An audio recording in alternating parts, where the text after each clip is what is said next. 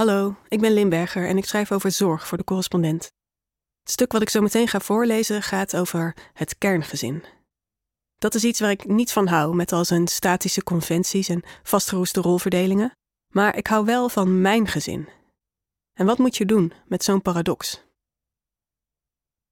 In mijn kast staat een kleine maar groeiende collectie boeken die gehakt maakt van de manier waarop miljoenen mensen, onder wie ik, hun leven hebben ingericht. Drie van die boeken heb ik zelf geschreven. Ze gaan over zorg, ze gaan over liefde en vooral gaan ze over het gezin. Over het kerngezin, om precies te zijn.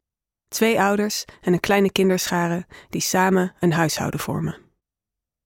In de moderne, geïndustrialiseerde samenleving geldt dat kerngezin als de beste manier om kinderen groot te brengen en volwassenen alle zorg, aandacht en liefde te geven die ze nodig hebben. Dat idee is een probleem, zo stellen de boeken in mijn kast en vele essays op mijn bureau. Dat probleem in een notendop? Het kerngezin is een onlogische manier om voor elkaar te zorgen en nog oneerlijk ook. Het kerngezin is dan ook geen universeel fenomeen. Eeuwenlang vormden niet alleen ouders en kinderen, maar ook grootouders, ooms en tantes gezamenlijk een huishouden. En op veel plekken in de wereld is dat nog steeds zo.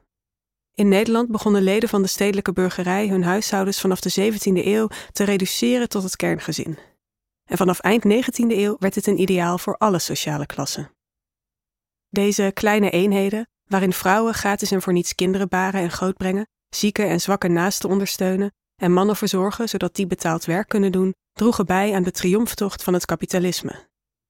Ook de consumptiemaatschappij werd groot dankzij deze kleine eenheden. Iedere avond worden in al die eengezinswoningen maaltijden gekookt in individueel aangeschafte keukens op individueel gekochte fornuizen. En iedere ochtend worden in mijn buurt kinderen naar school gebracht in individueel aangeschafte Urban Arrows of Bullets. Bakfietsen met namen die naast snelheid ook een bittere strijd suggereren. Het is ieder gezin voor zich in een race tegen de klok. Maar wat het kapitalisme doet bloeien, is lang niet altijd goed voor de mens of voor de planeet. Want het kerngezin druist in tegen de manier waarop onze soort van oudsher voor elkaar zorgt. Mensenkinderen komen dusdanig hulpeloos ter wereld en zijn zo lang afhankelijk van zorg dat het schier onmogelijk is voor één of zelfs twee ouders om alle tijd, energie en aandacht op te brengen die nodig is om die kinderen groot te brengen. Daarom zijn moeders de zorg voor kinderen zo'n anderhalf miljoen jaar geleden gaan delen met andere volwassenen onder wie grootmoeders, vaders, ooms, tantes en stamgenoten. De mens doet al millennia aan deze gedeelde broedzorg. Maar wat ooit een gedeelde verantwoordelijkheid was, rust nu grotendeels op de schouders van één of twee ouders. Met als gevolg dat ouders van jonge kinderen gejaagder zijn dan elke andere bevolkingsgroep en de onelegante term parentale burn-out zich bij onze woordenschat heeft gevoegd. Natuurlijk krijgen ouders ook nu nog hulp van anderen. Denk aan oppassende grootouders medewerkers op de crash, meesters en juffen op school. Denk ook aan kinderbijslag, gratis basisonderwijs en gratis zorgverzekering voor kinderen. Toch geldt het kerngezin in onze tijd als de optimale en meest vanzelfsprekende zorgeenheid. Vraag het maar aan alleenstaanden, die niet dezelfde belastingvoordelen genieten als tweeverdieners. Of aan alleenstaande ouders die een groter risico lopen op armoede. Of vraag het aan meeroudergezinnen die nog steeds niet wettelijk worden erkend. Of vraag het aan de Afghaanse tolk, die na de machtsovername van de Taliban in zijn land in de zomer van 2021 naar Nederland wilde vluchten. Zijn vrouw en kinderen mocht hij meenemen, maar zijn moeder en zus, die ook bij hem inwoonden, moest hij van de Nederlandse overheid achterlaten. Die behoorden niet tot zijn kerngezin. Het kerngezin is, kortom, een ideaal dat mensen uitsluit. En daarnaast is het een grote ongelijkmaker omdat vrouwen het merendeel van de onbetaalde zorgarbeid leveren, zijn ze minder financieel onafhankelijk en dus afhankelijker van de grillen van hun partner. Kinderen zijn afhankelijk van de grillen van hun ouders, die wel of niet goed voor hen kunnen zorgen. En omdat kinderen van vermogende ouders op een aardige erfenis kunnen rekenen, terwijl andere kinderen niets krijgen, groeien de verschillen tussen arm en rijk. Willen we onze aard als gedeelde broedzorgers recht doen, gelijkheid bevorderen en zorg de ruimte geven die het nodig heeft, dan zullen we dus afscheid moeten nemen van het kerngezin, als ideaal en als dominante samenleefvorm, zo zeggen de gezinscritici. Van wie ik er één ben. Ik schreef boeken die het kerngezin bevragen, en de kritieken van anderen lees ik met de gretigheid van een overijverige student. knikkend onderstreep ik zinnen en soms hele paragrafen, steeds overtuigder dat het kerngezin maar weinig mensen dient. Om vervolgens de boeken dicht te slaan, de essays weg te klikken, mijn kinderen op te halen bij de opvang en voor ze te koken op ons individuele fornuis, in onze individuele keuken, in onze eengezinswoning. En om daarna, wanneer mijn vriend ook thuis is gekomen, met het hele gezin aan tafel te gaan. Smakelijk eten allemaal. Mijn kritiek op het kerngezin is oprecht, maar het plezier dat ik beleef aan mijn eigen gezin is dat ook. En misschien is het wel gewoonte. Ik ben opgegroeid in een kerngezin. Twee ouders, twee kinderen, in Nederland al decennia lang het standaardgezin.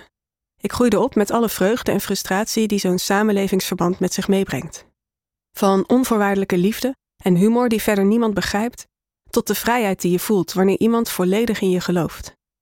Van het verdriet van ouders die zich op gezette tijden niet gezien en niet begrepen voelden, tot 15 jaar strijd en rivaliteit tussen mij en mijn zus.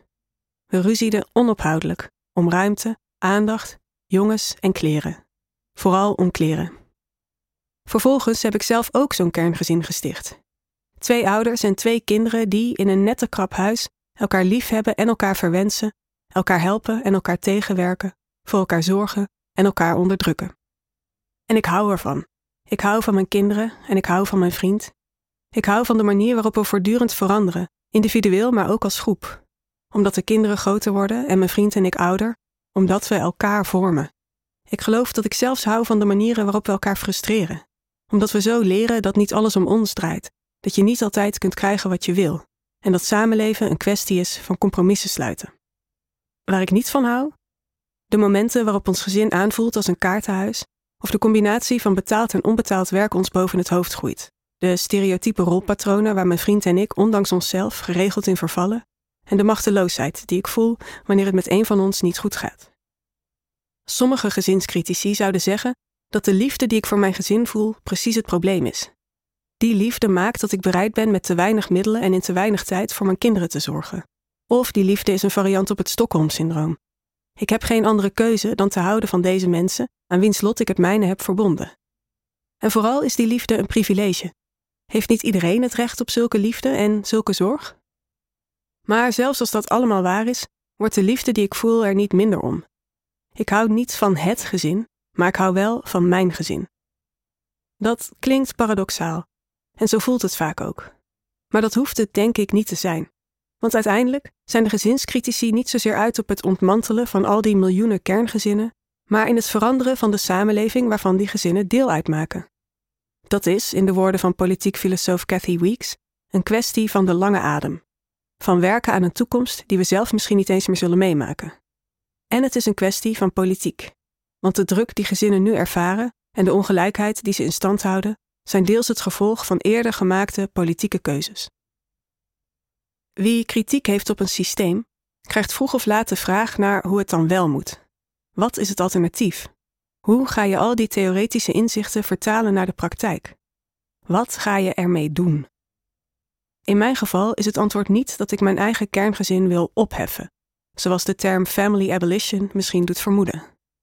Al probeer ik mijn zorgzaamheid niet te beperken tot mijn vriend en onze kinderen, en probeer ik mijn kinderen ook zorgzame relaties te laten ontwikkelen met mensen die geen onderdeel zijn van ons kerngezin.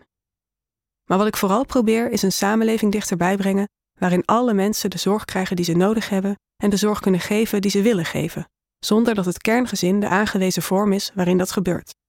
Een samenleving waarin mensen een zorg- of basisinkomen krijgen, bijvoorbeeld, zodat niemand financieel afhankelijk hoeft te zijn van een ander.